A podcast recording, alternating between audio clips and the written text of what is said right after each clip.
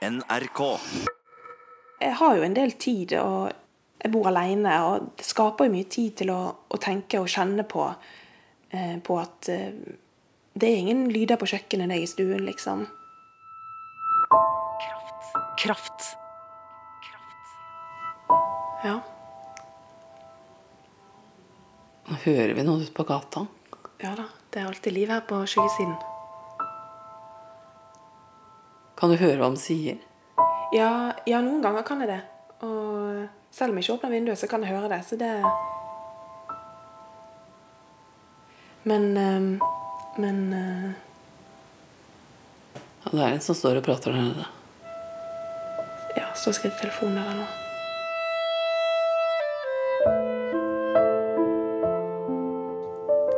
Hver gang jeg leser i avisen at hver femte nordmann bor alene, så blir jeg like overrasket hver gang.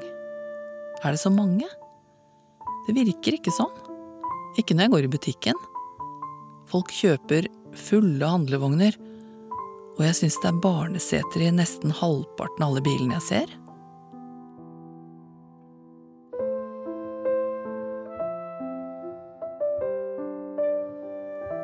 Johanne Magnus er skribent og bor i Bergen, i en toroms.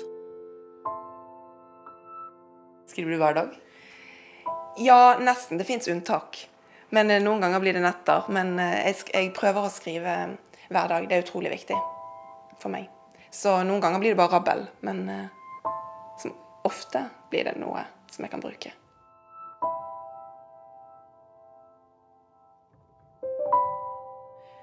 Stort sett så, så har jeg på en måte eh, Hva skal jeg si Mestret eller eh, funnet ut hvordan jeg kan ha det godt med meg sjøl. Når jeg både er aleine og sammen med andre. Fordi den eh, følelsen av ensomhet er jo ikke nødvendigvis bare noe jeg kjenner på når jeg er aleine, altså fysisk, men òg når jeg er sammen med andre. Fordi det kan vekke ting som at man kjenner på ting man ikke har, eller sånne ting. Men eh, noen ganger så har jeg òg funnet måter å lindre den følelsen på, da. Og noen ganger så kan jeg f.eks. ha gode sånn eh, eh, måter å distrahere meg på. Andre ganger så, så kjenner jeg på det. Sitter jeg litt i det og kjenner på det. Eller kan sitte her og sippe litt. eller kan, kan ringe noen og sånn. Men eh, jeg har lært meg at det er ikke farlig, da. Før kunne jeg kanskje være mer redd, da. At det var, det var farlig å være ensom og kjenne på det. Å være alene. Noen ganger kan jeg føle meg veldig tom innvendig. Andre ganger kan jeg kjenne at det er en sånn tung stein. Det kan bli, få litt sånn panikk nesten, fordi jeg, jeg føler at eh, At jeg har ingen steder å feste blikk, eller jeg har eh, sånn kast over meg om at jeg har ingen å ringe til, eller ingen som bryr seg om meg, eller hva gjør jeg på denne verden, i denne verden, og sånne ting. Og det blir jo veldig store spørsmål igjen, men det går vel veldig ofte på det der med at man ikke har noen i umiddelbar nærhet. Eh, Er det en følelse som kommer kastende på deg, eller ligger den der hele tida? Den ligger der hele tiden. Eh, men så kommer hverdagen, sant, og man, man, man skal ting, og man skal videre og sånn. Ja, heldigvis skal vi videre, og hverdagen kommer mot en. Men når man er ute midt i livet, er det lett å se at ikke alle har det sånn. Når jeg går hjem fra butikken, så kan jeg se familier som går med flere handleposer med masse mat og skal hjem og lage pizza en fredag kveld. Og at jeg går der med min bærepose som har en sjampo og en tyggis, for å si det litt banalt. Døgnet har mange timer, og for noen så flyr tiden av gårde. De blir dratt mellom ulike mennesker og behov. Sånn er det sjelden for Johanne. Jeg har ikke noe dårlig tid, da, for det, det er ingen som venter på meg hjemme. Og da kan jeg kjenne veldig på en sånn ensomhetsfølelse og litt sånn Miste litt retningen, da. På, på hvor og hva jeg skal og eh, Ja, et ønske etter tilhørighet. Det er jo det vi har, ikke sant? Og,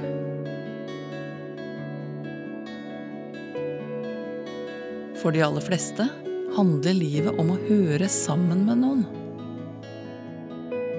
Når i livet ditt blir denne følelsen borte? Den blir borte når jeg um, Jeg vil si når jeg skriver, så blir den borte. Um, fordi Altså, skriving Det er jo på en måte en slags ensom greie. Jeg sitter, eller at jeg er alene foran PC-en min og skriver, men samtidig så har jeg um, Når jeg skriver noveller og sånn, så har jeg disse karakterene i hodet mitt. Og skriving er jo også avhengig av eh, lesere, et publikum redaktører eller skrivelærere som, som, leser tekstene, og som kommenterer det i tilbakemelding. Eh, og ikke minst eh, fordi jeg har vært heldig å få ting på trykk, så får jeg eh, lesere der, og publisitet. Men, og at jeg da kjenner at det er noe i meg da, som får uttrykke seg, og jeg får være kreativ. Jeg får brukt eh, ressursene mine. Det er det det handler om, da, at man er i live, ikke sant? At man får brukt det man er. Eh, hvis man kan snakke om det å være seg selv, da. Det er det det handler om, sier Johanne. At man føler man er i live. Og, og, en annen ting som eh, kanskje like sterkt som skrivingen, det er når jeg er i bassenget. Eller når jeg svømmer. Det er jo et sånn, blitt et sånt eh, ritual nesten av det der å gå inn i den garderoben og ta på seg den badedrakten og svømmebriller og badehetten, og jeg bare kjenner den klorlukten som jeg bare syns er så utrolig god. Og så inn i dette vannet, som, og du kjenner det vektløs. Og jeg må innrømme at jeg har blitt ganske god eh, svømmer etter hvert, så jeg, eh, jeg kjenner jo veldig på mestring i vannet. Og når jeg flyter det bortover i en sånn egen rytme tankene får, får være i fred. Og jeg får bare ta disse her eh, tak for tak og bare kjenne hvordan liksom ja, Nesten sånn bekymringene forsvinner for hvert svømmetak.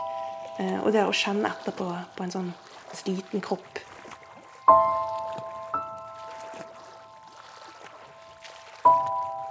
Og de skriveøktene etter der, eller den dagen etter jeg har vært i bassenget, det, den er utrolig, utrolig god. Det har en veldig sånn ro i meg, en sånn, sånn trygghet. da, Uansett om jeg er aleine.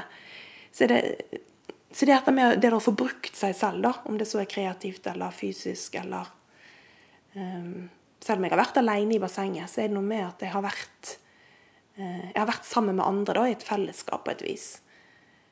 Og vannet har jo vært helt inntil deg. Ja, ikke sant? Og det er veldig nært og godt. Det er akkurat som det omslutter meg. ikke sant? Ehm, så, så det, jeg kjenner at det er veldig sånn omsorg i, i, i vannet, ja. Kraft. Kraft.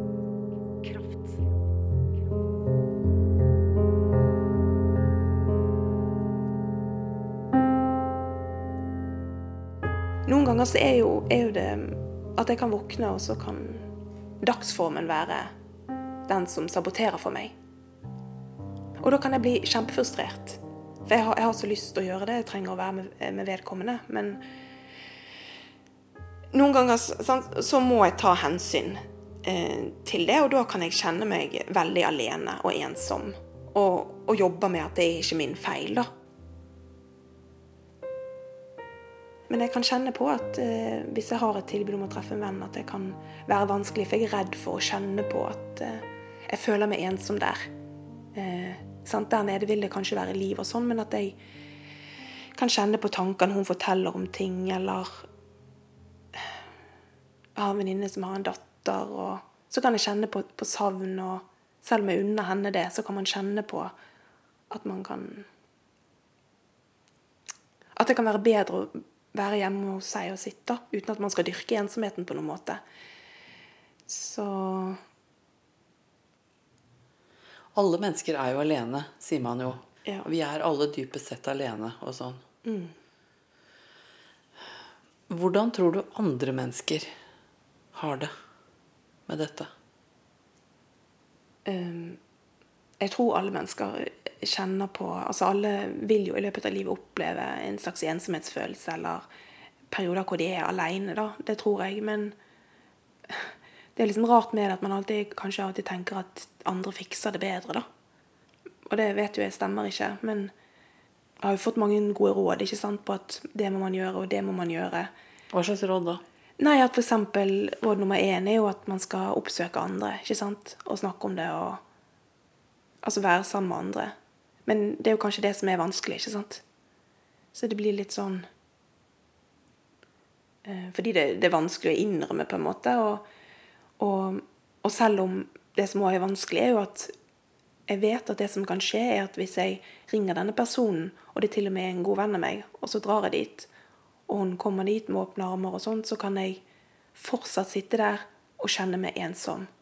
Det har jeg ikke lyst til at, at skal skje. For det, det, vil jo være litt skamfullt når hun sitter der med hele seg, og så kan jeg fortsatt sitte og kjenne på en sånn Fordi jeg At jeg bare føler meg litt sånn at jeg, at jeg, kan streve med å kjenne at dette skulle være godt nok, eller hun er min gode venn, og her skal jeg Jeg er jo veldig åpen av meg og, og, og deler ting med de som, eh, som, orker det, liksom. Men eh, selv om jeg har mine grenser, så, så er det frustrerende at man på en måte må akseptere at til et visst punkt så vil jo den andre ikke helt forstå deg. Og det syns jeg er veldig vanskelig, for jeg har så lyst at den andre skal forstå. For jeg når ikke helt fram, på et vis.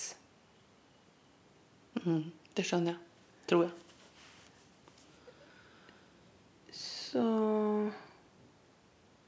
Du har nevnt første gode rådet. ja. Hvilke andre ting? Um, nei, det er sånne ting som har, har blitt uh, bedre på det, og det er det noe med det å akseptere, da. Og på en måte at det er jo ikke farlig å være Eller altså eh, Det er ikke farlig å være alene, er det det? Nei, det er ikke farlig. Og jeg er veldig takknemlig for at jeg kan sette pris på mitt eget selskap. Eh, på en måte innfinne meg med situasjonen da, og, og klarer bedre og bedre på å klare å lage meg en OK kveld eller dag. For det kan vel egentlig være sånn at det skyller innover deg en følelse av ensomhet? Mm. Og så kan den forlate deg i løpet av ti minutter? Ja, den kan jo det. Blir plutselig opptatt av noe annet? Ja, og da er det veldig irriterende hvis jeg på en måte har latt, latt meg bli eh, Latt når den kommer, den bølgen, at jeg lar den ødelegge.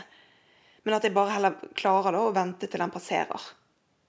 Ikke sant? Og, men det er veldig vanskelig å glemme noen ganger. At man får litt sånn panikk, da. Og da er det jo Nå kommer den følelsen? Ja. Nå, nå kommer jeg til å sitte her støkk. Ja, da er det helt sånn beredskap, sant? og da er det lett å begynne å få helt sånn panikk og krisemaksimere. Mm. Um, og, men der har jeg Jeg har heldigvis eh, et par gode venner som jeg kan ringe, da. Og som på en måte klarer da å liksom snu på flisa.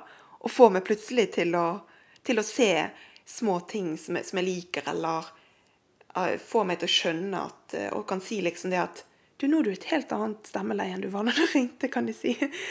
Og så Å ja, ja, det, det, er sant. Det er jeg. Og det er ikke sikkert de har sagt noe spesielt, da, men da er det jo nettopp på en måte kanskje det de har gjort. At jeg har snakket med et annet menneske, ikke sant? Det skal ikke så mye til noen ganger. Kan jeg ta en sjokoladebit? Ja, bare forsyn deg. Det har jeg glemt å si. Altså, jeg skrev jo først uh, en, en, tekst, da.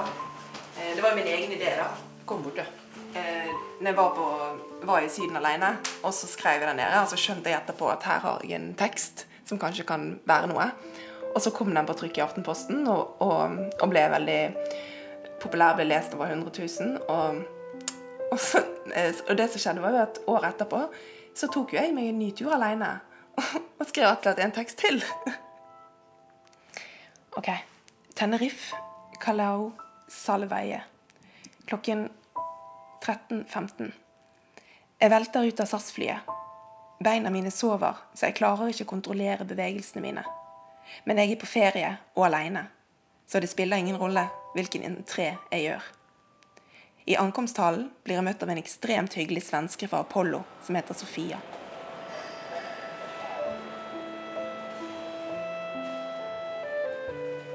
Jeg dropper destruktiviteten og slenger meg ned på dobbeltsengen, som jeg slipper å dele med noen.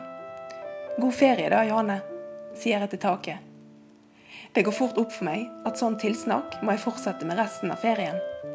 God middag da, Johanne. Og ikke svøm for langt ut av det, Johanne. Det det er jo fint å være alene òg. Um, og det var jo mange der nede som spurte meg hvorfor jeg reiste alene. Og da ble jeg litt sånn satt ut og litt sånn irritert, liksom. At å ja, ikke det Følte du at du syntes du var rar? Ja, og jeg så jo det på når vi kjørte denne bussen med, med Apollo, liksom. Så satt det familier ikke sant, og kjærestepar. Og, og det satt jo sikkert kanskje noen andre alene også, men jeg, jeg følte meg veldig hun ene som, som stakk seg ut, da. Um, og som ikke hadde noen å sitte der og, og liksom planlegge. Ja, hva skal vi gjøre i kveld? Og ja, i morgen skal vi dra på den turen. Og um, Ja. Kveldene er verst. Jeg drister meg ut på en aftentur. Solnedgang. Gatene fylles opp av ivrige servitører, mens solen er på vei ned. Tilbudspriser for to personer. Altså, Jeg tror det er mange som er redd for å være alene, og tør å kjenne på det. det. For det er jo skummelt. For da kommer jo tankene. Og man må kjenne på at man er i live og i verden, og hva vil jeg? Og man har ingen andre til å dra seg, eller til å få tankene over på noe annet. Så, så heldigvis var det mange som syntes det var tøft, da. Og som tenkte at det skulle jeg ønske jeg turde. De så på det som at eh, ja, neste gang skal jeg droppe han mannen min, altså. Ja, det tenkte jeg på. Kanskje de var kjempelei av den de dro sammen med? Ja, sant? det er jo veldig slitsomt å reise med noen sant? som hele tiden Åh, kommer du? Eller liksom Nei, er vi ikke på det? sant? Og, så det var jo veldig befriende å sitte der alene og tenke åh, jeg slipper de der alle de ungene. Og, så det er noe med å på en måte Men du snakker med folk underveis? Treffer noen? Ja, eh, jeg gjør det det, noen ganger så er det litt slitsomt å liksom, man føler man forstyrrer litt da, hvis man tar kontakt med et par, f.eks. For, eksempel, for man føler at de har lyst til å være alene, eller en familie har nok med sitt. Så jeg føler at det er liksom Ja, hei. men, eh, men, av og til så har jeg faktisk møtt andre som reiser alene òg. Og det er jo kjempefint. Og da har jo vi hengt litt. Men, men jeg har jo syntes det har vært fint å være alene òg. Skrive og være hele dagen på stranden. Så da har du ikke villet ta dem for nær heller? Nei. Og så kan du svømme mye? Ja, jeg kan svømme veldig mye. Så nei, men jeg, jeg vet ikke hva jeg skulle gjort hadde det ikke vært for den ja, svømmingen og, og stranden. Det er jo derfor det er det som trekker meg dit, da, på disse reisene. Det er jo noe annet å reise kanskje alene til Paris eller Men kan jeg spørre deg noe helt praktisk? Mm. Hvordan gjør du det når du skal ut i vannet og svømme? og så har du håndkle og, og, mobilen din og sånn liggende. ja, det var så mye jeg tenkte og grublet. Hvordan skal jeg gjøre dette her? Og da, da var det litt forskjellig, men eh, til å begynne med så var jeg veldig sånn eh, stressa da, og tenkte liksom Jeg har jo den mobilen, og jeg har jo liksom en euro der, og eller noen euro. Så tenkte jeg spør hun eh, eh, Excuse me, can you look after my things while I go to swim?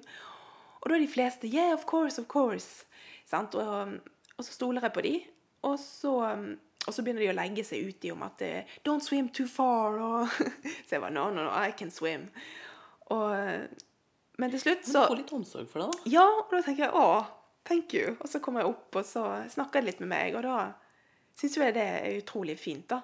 Og... Så blir det en liten koselig greie rundt det? Ja, og så kanskje til og med klarer vi å utveksle noen ord. ikke sant? Så blir det en liten samtale.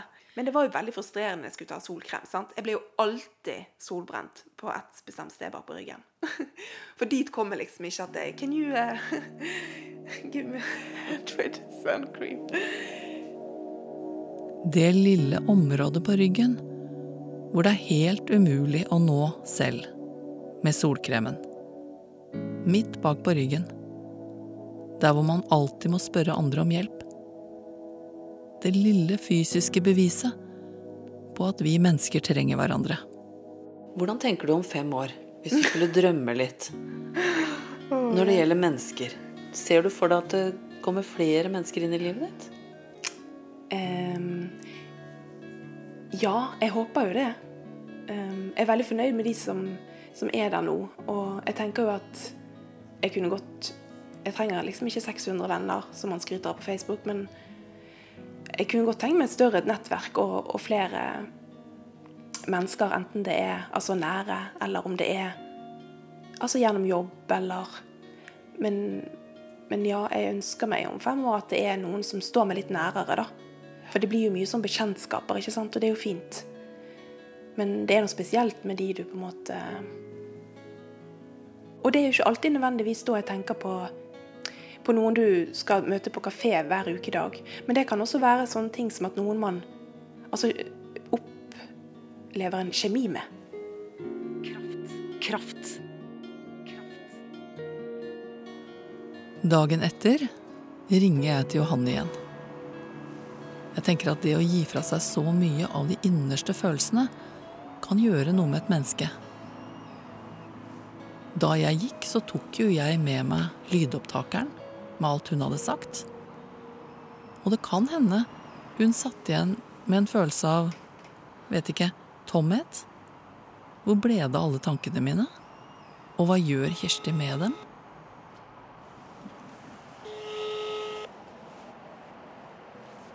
Hallo. Hallo, Johanne. Hei. Hei, det er Kirsti. Hei, takk for i går. Ja, takk for i går. Du, jeg hadde behov for å ringe tilbake til deg i dag og så høre mm, hvordan det var dagen etter, liksom. Hvordan du Ja. følte. Det, det føles veldig bra. Jeg syns det ble, ble veldig fint, og det føltes veldig godt. Men det jeg tenkte litt på, det var dette her med at um, For du spurte jo meg et sånt spørsmål om hvordan jeg så for meg sånn fem år frem i tid. Mm. Og det kjente jeg litt på etterpå at det var jo litt sånn ja, vanskelige spørsmål. Og på en måte kanskje helt tørre da å si hva man faktisk altså, ønsker seg. Um, jeg kanskje holdt litt igjen når du spurte meg om det. Jeg tror kanskje jeg nevnte at jeg ønsket litt mer folk i livet mitt, og jeg snakket jo om skrivingen og sånn, men at, men at jeg selvfølgelig har et ønske om å kanskje få egne barn og ha en egen familie og treffe en mann og sånn. At, at jeg ønsker meg det, og at det var kanskje litt vanskelig å, å si høyt, da. Eller ja, innrømme. Det, det hører liksom med i, i praten vår, følte jeg.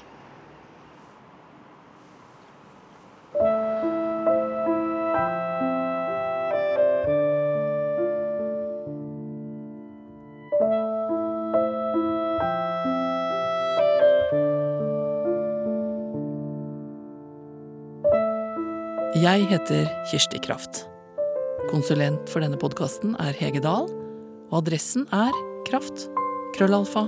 NRK.no.